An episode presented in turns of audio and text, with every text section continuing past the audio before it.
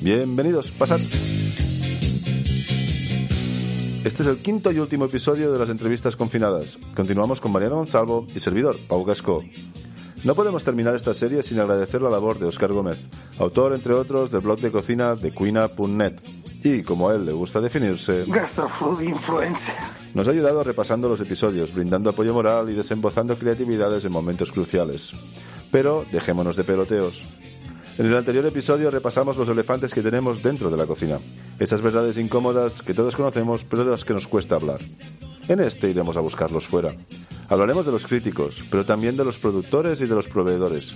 Y sobre todo de las relaciones que entablamos con ellos. Ahora, después de haberse convertido primero en cocinero, luego en chef y finalmente en profesor, se nos hace empresario. Y conociéndolo seguro que nos deja unas cuantas perlas para embarcar que ya les gustaría a muchos MBA. Para finalizar, y como no somos ajenos a la realidad, pero tampoco pitonisos, hablaremos brevemente de cómo se vislumbra el posconfinamiento. Pero antes debemos llegar a la actualidad. Habíamos dejado a Mariano la Hoffman. ¿Qué le llevó a dejar la escuela y con su familia coger el portante, comprar un viejo pajar e instalarse en Surp? Y llega un punto en el que decides dejarlo todo y subirte a las montañas. Yo creo que ahí todos nos quedamos un poco a cuadros. Pues mira, por coherencia conmigo mismo, ¿no? Yo siempre, yo siempre eh, he intentado ser coherente en lo que pienso, lo que digo y lo que hago, ¿no? Y bueno, desde el principio que entré hasta que me fui, yo fui haciendo diferentes responsabilidades en, en la escuela, ¿no? Y ya los últimos años, que la escuela había crecido mucho y, y porque no puedes hacerlo todo, evidentemente, cuando no hay horas en el día para hacerlo todo, yo había dejado de, mucho de cocinar. En el restaurante hacía los monográficos que cocinaba, pero con el tiempo también empecé a dejar en, en manos de otros algunos monográficos, pues porque también el equipo tiene que aprender y tiene que estar preparado para cualquier cosa que pueda pasar. ¿no? Mi, mi objetivo al final, los últimos años, fue hacer un equipo potente de gente que fuera autónomo, pasara lo que pasara. ¿no? Pero luego me di cuenta cuando ya estábamos construyendo todo esto que había perdido mi, mi esencia, ¿no? El- el- mi motivo de estar allí. ¿no? A mí no me gusta estar en un despacho, no me gusta gestionar solo personas y, y papeles y demás. A mí lo que me gusta es cocinar, yo soy cocinero. Entonces empecé a sentirme un poco mm, menos bien, ¿no? Eh, a medida que la escuela empezó a crecer, el, proyecto empezó a irse un poco de, lo que yo personalmente creía que debía de ser. Y cuando, claro, la escuela no, evidentemente no era mía, ni mucho menos, y, y dices, bueno, si la escuela se va hacia un camino que tú no crees que sea el correcto, estás haciendo un trabajo que tampoco es el que más te motiva, volver atrás puede que no sea lo mejor, pues a lo mejor por honestidad, por, por, por agradecimiento a los alumnos, compromiso a los alumnos, a May, que es una persona que había confiado siempre en mí hasta el último momento, pues ¿por qué no ser eso que yo digo, ser noble? Y, dices, "Oye, mira, May, no me encuentro a gusto, puede que lo mejor sea que me vaya, ¿no? Cuando se lo dije a May, pues, lo primero que me, y eso también se lo agradece, me dice, hombre, no te vayas, haz lo que puedas, pero no te vayas. Y cambiamos un poquito la manera de hacer. Durante unos años estuve montando este proyecto y estuve allí ayudando a- al- al cambio hasta que ya dije, mira, me es que ya no soy necesario, me tengo que ir porque si no, esto no, no funcionará nunca sin mí y mi casa no funcionará porque yo casi no estoy, estoy poco. Y sí, sí, lo entendí perfectamente y entonces, pues bien, me fui y lo dejé. Fue simplemente por ser coherente conmigo mismo. Finalmente hemos llegado a lo palle del coc, que significa el pajar del cocinero en lengua pallaresa. Vamos a situarnos. Mariano y Silvia, su compañera, se pillaron, como ya hemos comentado antes, un pajar en ruinas en Surp, uno de los diez pueblos que encontramos en la Vall d'Asua, situada en el Pallar Sobirá. Este pueblecito que pertenece al municipio de Rialp está situado a mil metros de altitud y se llega después de unas tres horas en coche desde Barcelona. Nuestra pareja convirtieron ese lugar en algo más que un alojamiento rural. Claro está que tiene sus apartamentos, pero también tiene su espacio de bienestar con terapias naturales a cargo de Silvia y el espacio gastronómico y huerto a cargo de Super Mariano. ¿Es un restaurante? No propiamente. Ellos lo definen como un espacio gastronómico interactivo. ¡Ay, madre! no, dadle confianza. Y en él se pueden hacer talleres de cocina, participar de la elaboración de la comida con el chef o solo llegar, sentarse y comer. Claro está que con reserva. Un ejemplo es que la primera vez que fui, Mariano me hizo ir con él al huerto a cosechar topinambos y luego boleamos la masa de pan que ya tenía lista. La segunda vez me busqué una excusa para bajar directamente a la hora de la cena.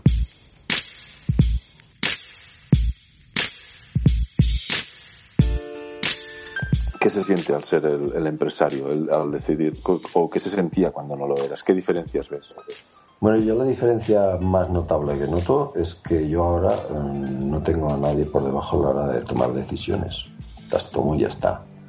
Pero yo te, te de, hacer una anotación. ¿no? Yo hace muchísimos años ya, eh, cuando entré en el Dorado Petit, yo creo que fue la primera vez, ¿no? quizá porque cogí la responsabilidad de ser jefe de cocina el, restaurante no era mío.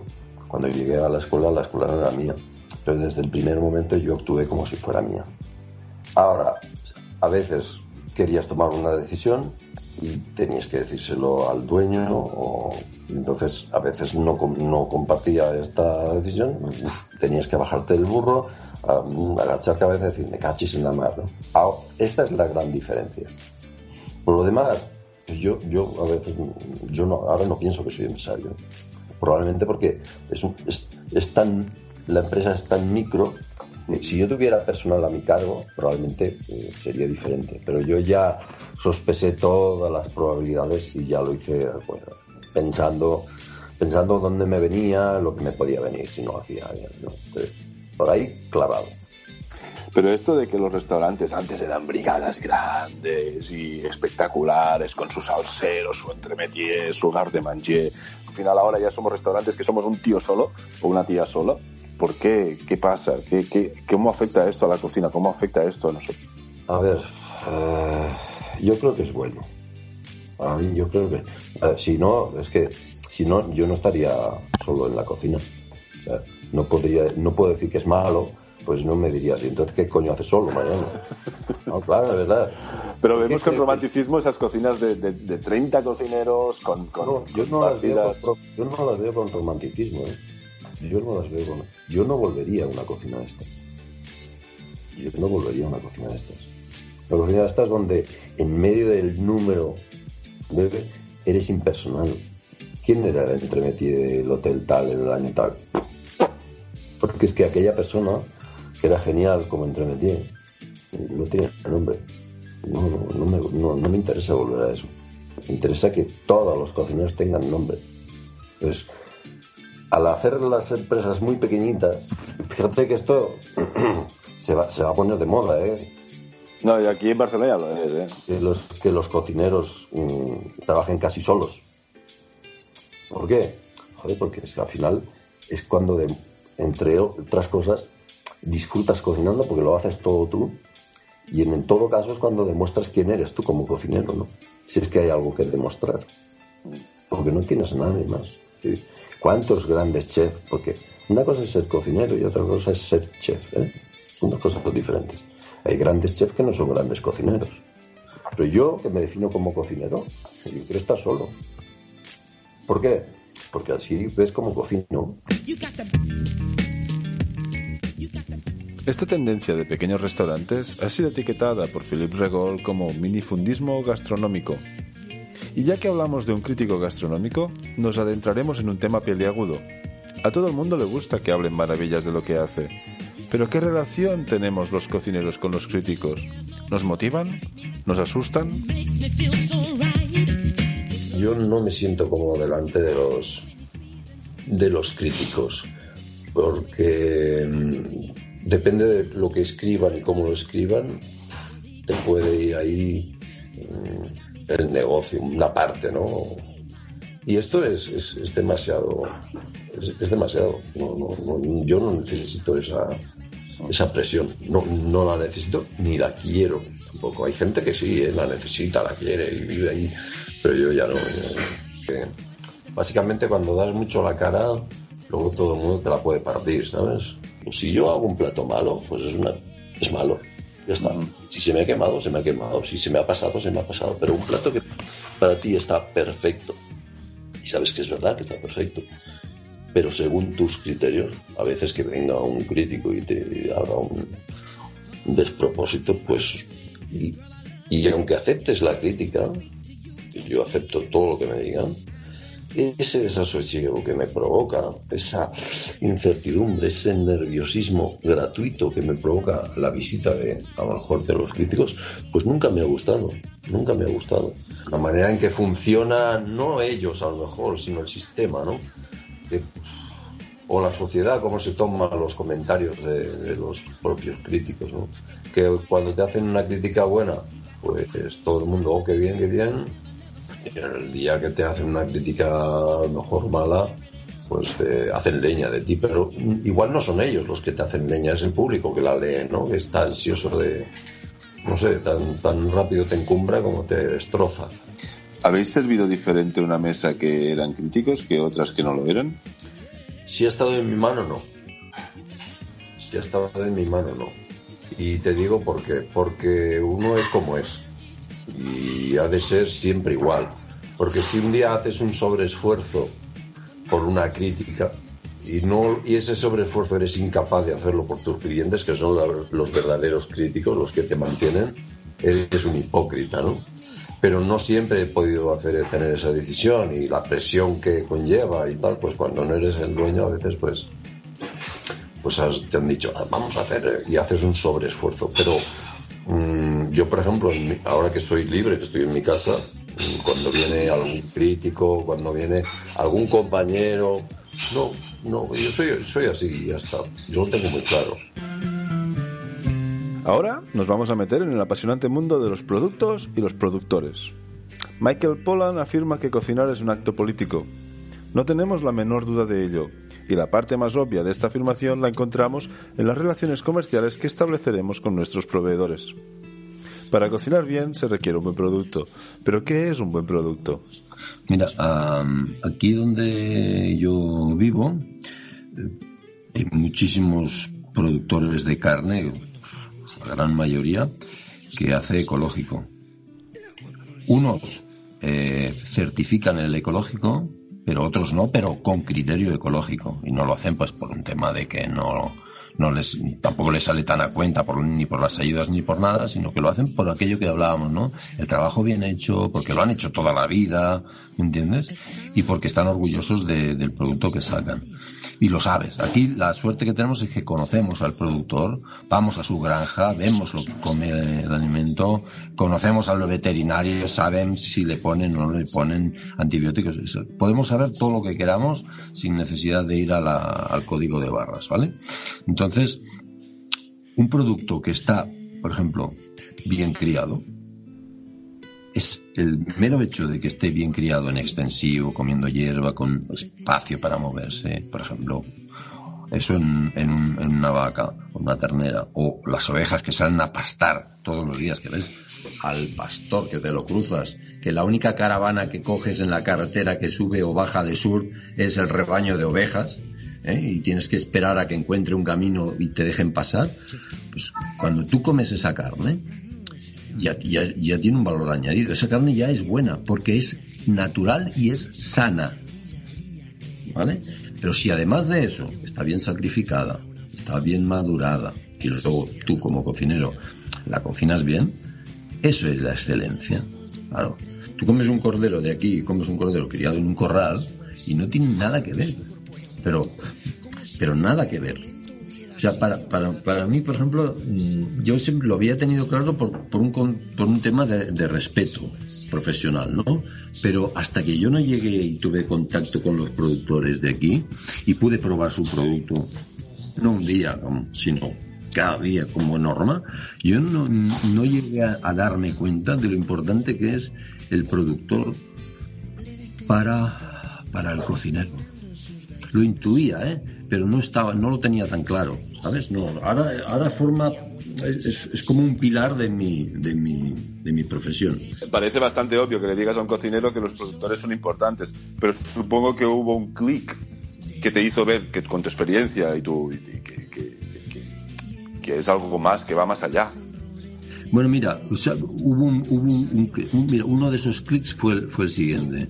Mm, al poco de venir aquí, mm, un ganadero de aquí del pueblo, ¿vale? Francés, me dice, oye, mira que tengo, he engordado una ternera para mí, pero una ternera para una familia es mucho, ¿qué te apetece quedarte con media ternera? Yo así, tonto mano, dije, sí, vale. Cogí y me quedé con media ternera, ¿vale? Cuando yo procesé aquella ternera y nos comimos el primer bistec, yo me caí de culo, tío. Me caí de culo. Nunca había comido una carne como esa. Nunca había comido una. Y había probado carnes, ¿eh? Carnes de todos lados del mundo. Nunca había comido una carne como esa. Yo, yo tengo acceso a toda la cadena. Y esta cadena es muy corta. Está el productor el intermediario, que en este caso es el carnicero, y el consumidor, que soy yo. En Barcelona, el producto, el comercial, el comercial al carnicero, el carnicero, si es muy grande, tiene otro comercial de, para el canal Oreca, para, ¿sabes? Al final dices, jolín, cuando me llega la carne, ¿y de dónde es esta carne? Ah, pues, como en muchos casos, criado en la Comunidad Económica Europea. La información es pequeña, pero aquí, yo te aseguro que te puedo decir de quién es el Cordero. De acuerdo, pero ¿y los que no tenemos la opción de disfrutar de esa cadena tan corta? En el plano teórico, hablar de producto local en las áreas metropolitanas parece un oxímoron, salvando excepciones, eso sí, como la alcachofa del Plat en Barcelona. Bueno, mira, aquí hay, una cosa. Si tú quieres eh, hacer comunidad y y consumir producto de proximidad, entendiendo la proximidad allá donde está más próximo de tu territorio aquello que quieres comprar, o no quieres salir simplemente, por ejemplo, de Cataluña, como, como territorio próximo. Tú, lo, tú, tú ese círculo lo, lo, extiendes hasta donde tú quieras, ¿no? Pero, por ejemplo, mmm, producto solo de Cataluña. Bueno, pues es automático. Si no hay producto, porque en ese momento en Cataluña no hay, pues no, no poner. ¿Qué, ¿Qué, ocurre? Que muchos cocineros pretenden tener, por ejemplo, alcachofas, pues casi 7, 8 meses al año. Pues entonces la alcachofa tiene que venir de donde sea, ¿entiendes? Y rape, pues yo quiero tener rape siempre. Pues el rape te tendrá que venir de donde sea. Y además, si encima eres exigente con el precio y quieres un precio más bien bajo, pues no te van a traer rape del Mediterráneo. ¿Por qué? Porque hay muy poco entonces, en vez de hacer cartas fijas, conceptos de platos fijos, relájate, ¿eh? relájate y bueno, yo voy a cocinar pescado de esta manera y pescado de esta manera y alcachofas de esta manera o verdura de esta manera. Si no son alcachofas, lo hago con otra, la del temporada. Si no tengo este pescado, compro el que venga mejor del día, fresco, de proximidad, el que tenga un precio más asequible a lo que yo luego voy a poder vender materia prima de primera calidad y lo que hago es adaptar la receta al pescado. Si quiero, si no quiero cambiar nunca la receta ni quiero, pues entonces vamos, vamos cagados. Claro, si dices, es que yo el rapé lo vendo muy bien, pero ¿has probado a vender, a vender jurel, por ejemplo? Hostia, es que el jurel no sé si lo venderé, pero lo has probado, haz un plato genial de jurel, ¿eh? lo podrás vender más barato y ganar más dinero. Pero claro, el, el, hecho de la investigación también tiene un coste. Ojo, eh, inventarse un plato de jurel tela. No, no. Realmente es más fácil. O sea, no se trata de inventar, se trata de cocinar. Que es mucho más sencillo. No sé por qué ahora todo el mundo tiene que tener inventos y tiene que ser altamente creativo para ser un buen cocinero. Primero, sé un buen cocinero y luego sé creativo. Parece que hemos empezado al revés. Primero hay que ser creativo y luego a, a, cocinar lo que sea. No, no, no. Cocina bien y la gente te lo agradecerá. Sí, pero se ha dicho muchísimas veces, ¿no? Que es sí, mejor no, no, no, una mala langosta o una buena sardina. Una buena sardina, ¿no? Eh, todo es relativo, ya te digo, si las cosas están bien hechas y son buenas y la calidad es alta, la calidad en todos los sentidos, producto, elaboración y servicio, la gente se cae de culo. Porque además todo el mundo está harto de solomillo, todo el mundo está harto de supremas. Llegamos a un tema que conozco bien. Por suerte o por desgracia, la mayoría de veces que he empezado en un restaurante me han enchufado en la partida de pescados. Y es quizás en esa área donde menos seguros nos sentimos los compradores. Cabe decir que las prácticas de algunos proveedores no ayudan, como por ejemplo afirmar que ha habido un temporal inexistente para justificar una subida de precios. Pero no todos son así. Aunque sean honestos, es una compra muy complicada, con grandes oscilaciones de precio y de disponibilidad que dificultan y mucho la gestión logística y económica de una oferta gastronómica. Varias cosas. Una, no tener un único proveedor. Eso es fundamental porque donde no llega uno llega otro y cada uno es como en la cocina, ¿no? cada uno se le da bien alguna serie de cosas mejor que otras. Entonces, saber lo que uno te hace bien y lo que el otro te hace bien y pedirle a los dos y hablar cada día con ellos con franqueza, exigir mucho, pero pagar bien y rápido. Esto lo allana todo.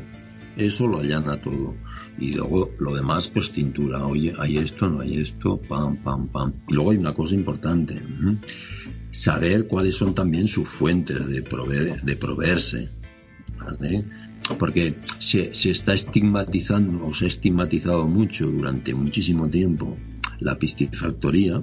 Yo, yo era anti-piscifactoría, ¿eh? todo hay que descubrir, porque lo que pasa es que me he dado cuenta también que el futuro del mar está muy comprometido y que sea salvaje tampoco siempre ya empieza a ser sinónimo de que sea sano y bueno. Porque el mar es una mierda, los océanos están destrozados. Entonces, a lo mejor sí tenemos que ir a, hacia piscifactorías responsables, ¿vale? Que en vez de tener por metro cúbico, yo que sé, 200 animales, no sé los que tienen, ¿eh? Pero pues que tengan 50 es como el que hace extensivo aquí en, la montaña y tiene, pues una vaca tiene, puede llegar a tener hasta dos o tres hectáreas, ¿no? De, pues bueno, seleccionemos también, hablemos con nuestros proveedores. Oye, mira, yo por el precio que doy en el menú, en la carta, yo no puedo dar eh, pescado salvaje, que a unos precios desorbitados. Bueno, pero quiero una buena piscifactoría y hay variedades que son mejores que otras variedades o especies de pescado que son diferentes y dan más pues,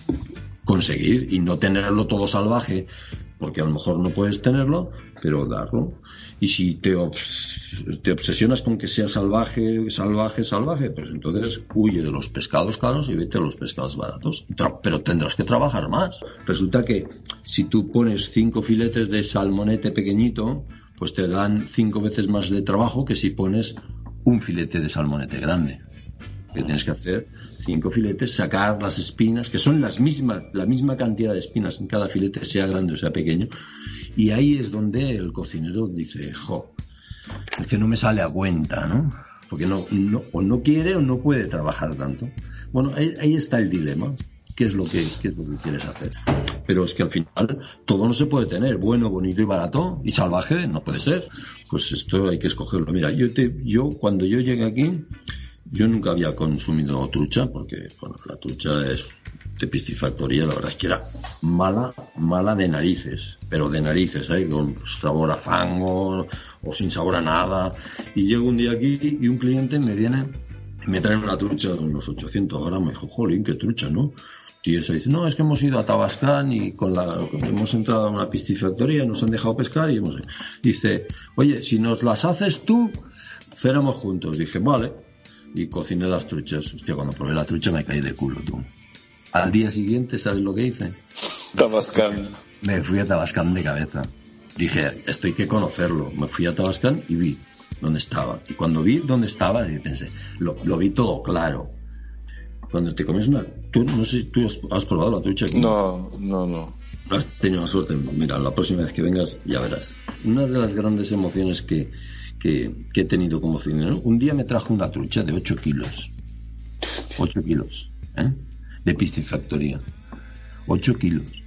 La gente que, los clientes que pudieron degustar aquella trucha, se acordarán toda la vida te lo juro, la gente lloraba por aquella trucha. Aquello tenía la textura de una, de una carne de trucha de piscifactoría, que es dura, tersa, pero además grasa, y el sabor de una trucha salvaje pescada en el río. Era tremendo, tremendo. Un metro de trucha. No, la, no la pesca, la captura con una red y en 10 segundos la trucha está muerta. ¿Sabes? ¿De qué sirve comprar un pescado de anzuelo que ha estado en el palangre ocho horas agonizando o seis horas agonizando? ¿Entiendes? No sirve de nada comprar un pescado salvaje. Pescado así. ¿Quién pesca con caña y cuando tú, pum, le pega un golpe en la cabeza y mata? Nadie, nadie. No hay esa cultura de pesca en este país. O casi nadie. Espacio patrocinado por la piscifactoría de Tabascán. no, pero lo parece, ¿eh? Manda cojones que el tío nos vacila hasta con el pescado. Él, que está a más de tres horas de cualquier puerto. ¿Ha sabido adaptarse su entorno? Chapó. Quiero a este punto señalar que el objetivo de estas reflexiones no es la de establecer cátedra, todo lo contrario, es abrir debate y así expandir el conocimiento. Un buen ejemplo de ello es la solución que propone para los que estamos en Barcelona. Yo creo que la solución para los restauradores de Barcelona, para que, quieran sintonizar con el medio ambiente, con un entorno y que ese entorno sea saludable y eliminar al máximo Mm, la ristra de, intermediarios es que os vayáis de Barcelona. Es así, es así. Si tú quieres saber de dónde viene tu producto, quién lo hace y por qué lo hace y demás, desde Barcelona es prácticamente imposible. Vas a tener que dedicar tanto tiempo que no vas a poder cocinar. Entonces eso es inviable, inviable. Barcelona es bueno para algunas cosas y es malo para otras, como aquí. Es bueno para unas cosas y es malo para otras.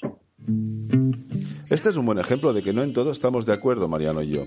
Porque siguiendo su lógica, entonces ¿qué pinto yo con mi local en el barrio de Sans? Que sea difícil le añade épica al objetivo. Cierto es que los clientes se encuentran mayoritariamente en las zonas urbanas y los productos de calidad difícilmente salen del mundo rural.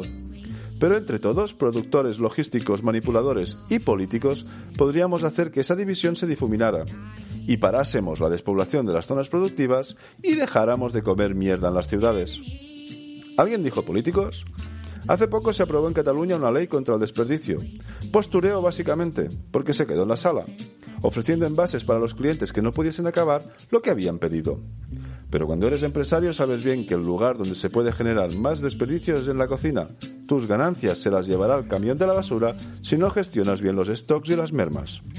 Y durante muchos años se ha primado la excelencia, ese dado de tomate perfecto por encima del aprovechamiento. ¿Qué, ¿Qué opinas de eso?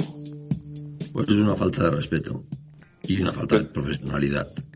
Pero esto forma parte de esa ética profesional que tendría que tener todo cocinero, de, de manera natural, o, cada, o todo ser humano, y si no, inducida a través de las escuelas de cómo actuar, ¿no? O sea, no, no, no, no es únicamente cocinar bien, sino además ser buena persona, joder y respetar, respetar al que ha hecho la carne y la verdura, respetar esa verdura que está ahí por algo, tras mucho esfuerzo de mucha gente, ¿vale? Y luego, ¿por qué no la vas a aprovechar? Tú cuando deshuesas una, una michana, los huesos no los tiras, los guardas para fondo, ¿no? Pues cuando cortas una cebolla, las puntas de la cebolla no las tiras, las guardas o para un fondo, o para un pureo, para lo que sea, porque es así. Tiramos por tirar, tiramos porque vamos sobrados ¿vale? Porque podemos cobrar lo que queramos y la gente lo paga y entonces, como cobramos mucho, podemos tener el, lujo o la falta de, respeto ¿eh? de, ir tirando comida. Eso es, es, mira, yo te pongo, con la cantidad de gente que pasa hambre en el mundo, solo con eso, una persona normal ya se negaría a tirar comida. ¿Vale? La comida se puede tirar por mil motivos, pero no porque yo gestione mal eso, porque es una cuestión de respeto, de respeto al, resto, al resto. Fíjate, fíjate lo que te digo, ¿eh? Pues, hombre, si vendes mucho pescado, al final tienes muchas agallas, ¿no? Claro que se las puedes dar al personal y es un lujo. Pero ¿por qué no? Fíjate, ¿eh? ¿Por qué no dáselas a un grupo reducido de clientes que no te va a decir, hostia, me estás dando todo un montón de, de espinas, sino que te dirá, gracias, porque me estás dando la parte más sabrosa del pescado. ¿Me entiendes? ¿Y qué harás? ¿Qué te inventarás con unas agallas? No te inventarás nada, porque la agalla ya lo dice todo, ¿no? ¿Sí o no? Pues ya está. Y, y, círculo bien cerrado, ¿sabes? Bien cerrado. Todo aprovechado y faena resuelta. Y todo el mundo contento. Tú, el cliente, sí que lo das, Yo no, yo, yo creo que es una falta de, educación. No de formación solo, ¿eh? de educación. De respeto, vaya. Yo, yo he llegado a decir como jefe de cocina, ¿eh? yo, te, yo, esto, yo esto que te estoy diciendo ahora, ahora lo, lo vivo y lo siento desde lo más propio. En mi casa, de verdad, no se tira nada, ¿eh? En mi restaurante, eso sí, a veces tengo que hacer unas poquitas de raciones de algo, pero bueno, yo como mi producción es muy pequeñita, pues de ahí saco un aperitivo, saco, lo aprovecho todo, te lo juro, es, es, y, para mí, me, a mí me llena de orgullo, y no es, no es, eso no es ser miserable, ¿eh? eso es, me llena de orgullo, porque me obliga a, a crear cosas con, con restitos, qué tal, pero luego la gente, por ejemplo, te dice con humildad, pero te lo tengo que decir, alucina, ¿no? O sea, yo entiendo que haya gente que pueda pensar así, ¿no? Que no se da cuenta, que tal y cual. Yo solo digo que se reflexione, que se reflexione bien, porque siempre hay salida.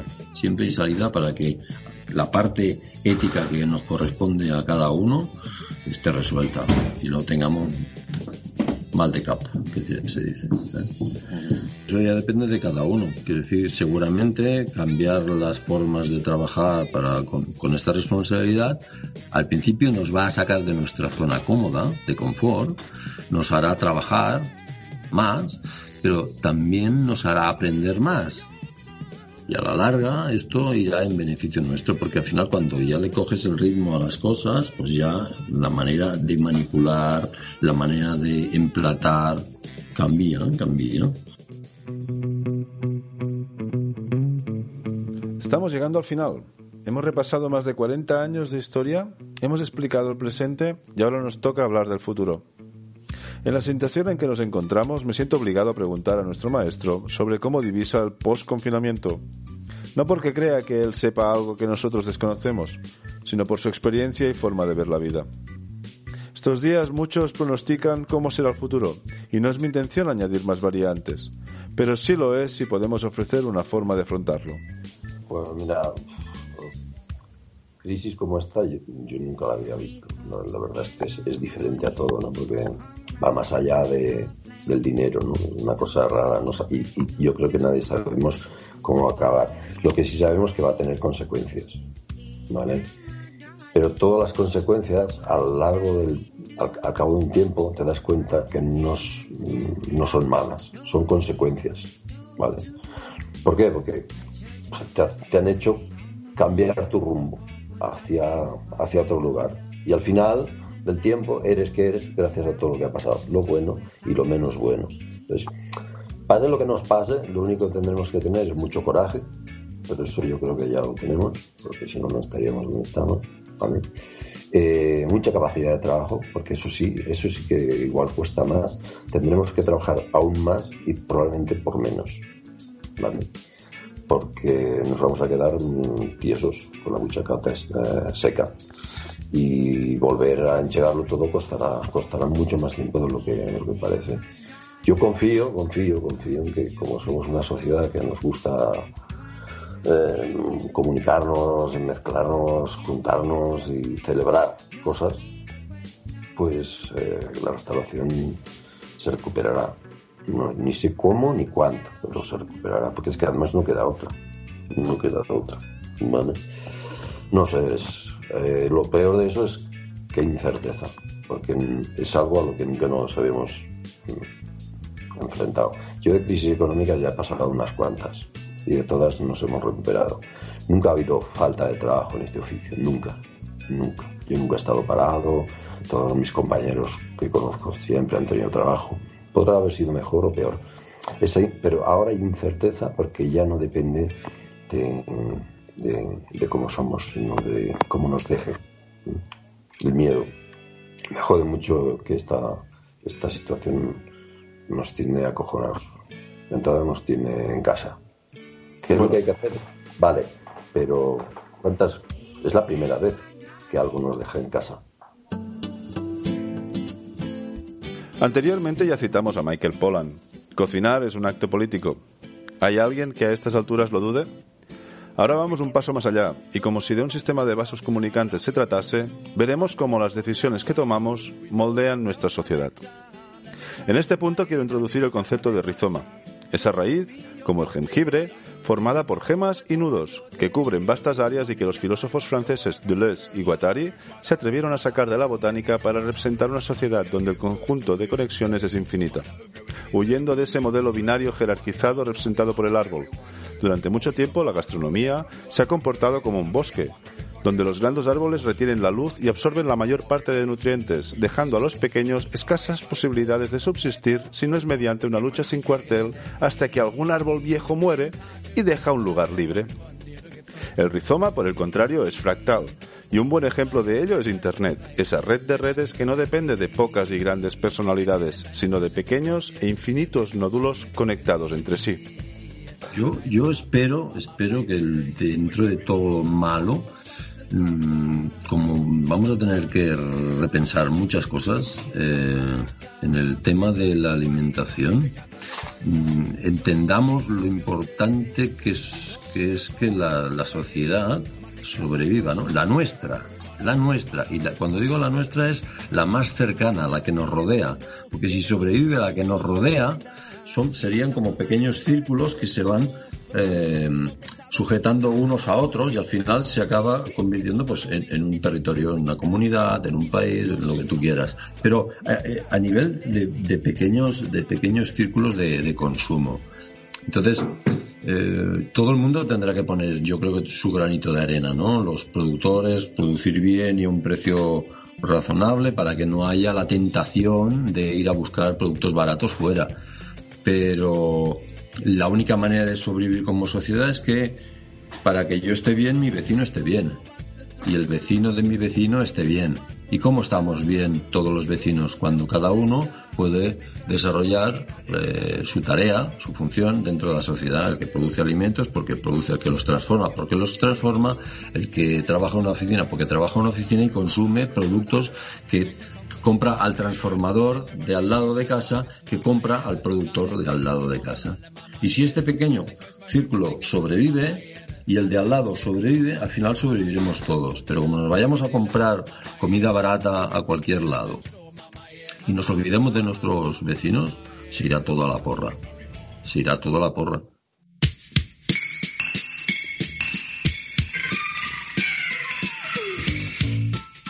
Pues hasta aquí las chapas confinadas.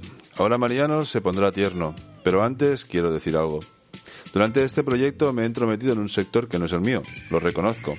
Y después de este trabajo os aseguro que valoraré mucho la labor de los que os dedicáis a hacer radio o podcast. Sobre todo de los técnicos de sonido y de los guionistas. Este proyecto surgió por las ganas de dar voz a un personaje que considero amigo y le agradezco la infinita paciencia. Como muestra, un botón. Os contaré que por error la primera charla que hicimos de una hora no la grabé. Muchas gracias, Mariano. Ha sido un honor y un privilegio poder trabajar con tan exquisito material. Bueno, porque es que al final, hablando, hablando de todo el mundo y tal, y no he dicho nada de mi familia, tío, es que sin la, sin la, ayuda de, de, y la comprensión de mi familia, tío, es que no hubiera podido hacerlo, ¿no? Creo que, son los que me han dado paz para, para poder hacer esto, ¿no? Mucha gente, pero bueno, que mi familia, mi mujer, mis hijos, joder, eso es como cuando un, un oficio es tan, tan exigente y tan, entre comillas, sacrificado, ¿no? Pero te apasiona, pues a veces no eres, no eres en realidad no eres consciente de, lo que de lo que te exige a ti y de lo que exige sin, sin, sin querer a los demás, ¿no? Y en mi caso, por ejemplo, pues tanto mi compañera Silvia como mis hijos, pues nunca, nunca me han hecho un, reproche, ¿no? Eh, bueno, se han perdido muchas cosas de mí, yo me he perdido muchísimas cosas de ellos. Sí es cierto que teníamos una, como un acuerdo tácito un entendimiento, más que un acuerdo, un entendimiento tácito de el tiempo que pasábamos era siempre fantástico, ¿no? A tope, a tope de, de, cariño, de, de, amor, de comprensión, de respeto, ¿no? Y eso pues supongo que a lo mejor ha podido paliar horas vacías que a veces porque tienes muchas horas, pues las, las pierdes de otra manera, ¿no? No sé, las vives de otra manera.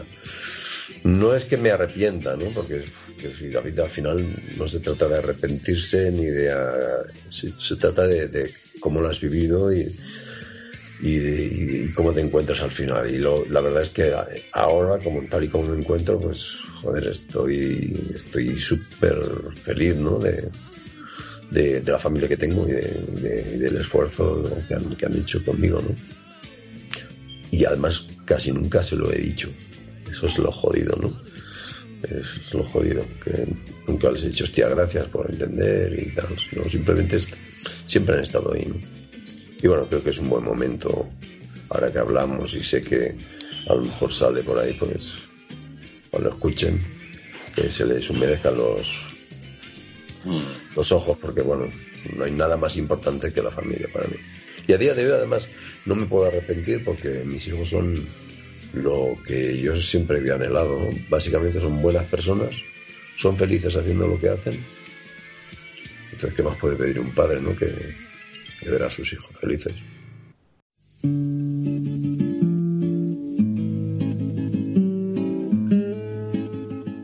Què ha significat per tu que el teu marit sigués cuiner? Ui, a, a mi al principi eh, ha estat com una càrcel per mi, perquè no el veia. Fins i tot te dic que li, agafat, li havia agafat mania a la cuina perquè me separava, era una separació entre ell i jo. Després no, quan passa el temps i, i vas veient que ell disfruta, que és la seva vida, que és la seva passió, pues llavors ho, ho, ho ha acceptat. Però per mi va ser molt dur. Molt dur perquè era, bueno, la separació entre ell i jo. No, havia, no hi havia temps per nosaltres. Pues, pues Però ara bueno. ja no hi tinc tanta mania perquè com és la seva passió i la Parla en castellà, pots parlar en castellà. No, no, si ja m'agrada. La Ah. meva passió també és ell, pues tot és un pack. Oh. Ja està. Eh, no és per quedar bé, eh? És la veritat. ¿Vale? Nosotros tres horas hablando para, para decir Sí. cuatro, pa- cuatro pavadas. Y ella viene aquí, pim pam, la clava, ¿no? Vale. Generosidad, tío.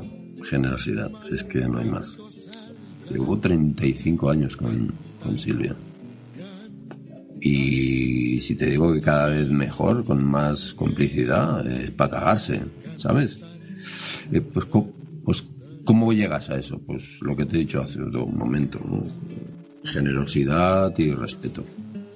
Es que no hay más. Primero respeto. Y luego pues hay que ser muy generoso con, el, con el otro, ¿no? Pues para, para eso. Que no hay más, no hay más.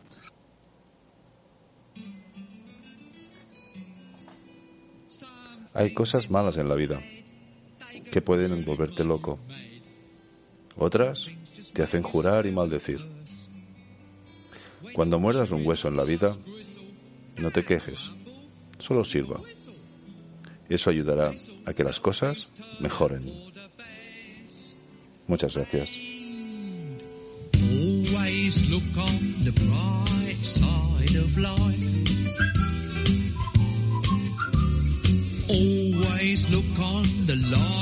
side of life. If life seems jolly rotten, there's something you've forgotten, and that's to laugh and smile and dance and sing. When you're feeling in the dumps, don't be silly chumps. Just purse your lips and whistle, that's the thing.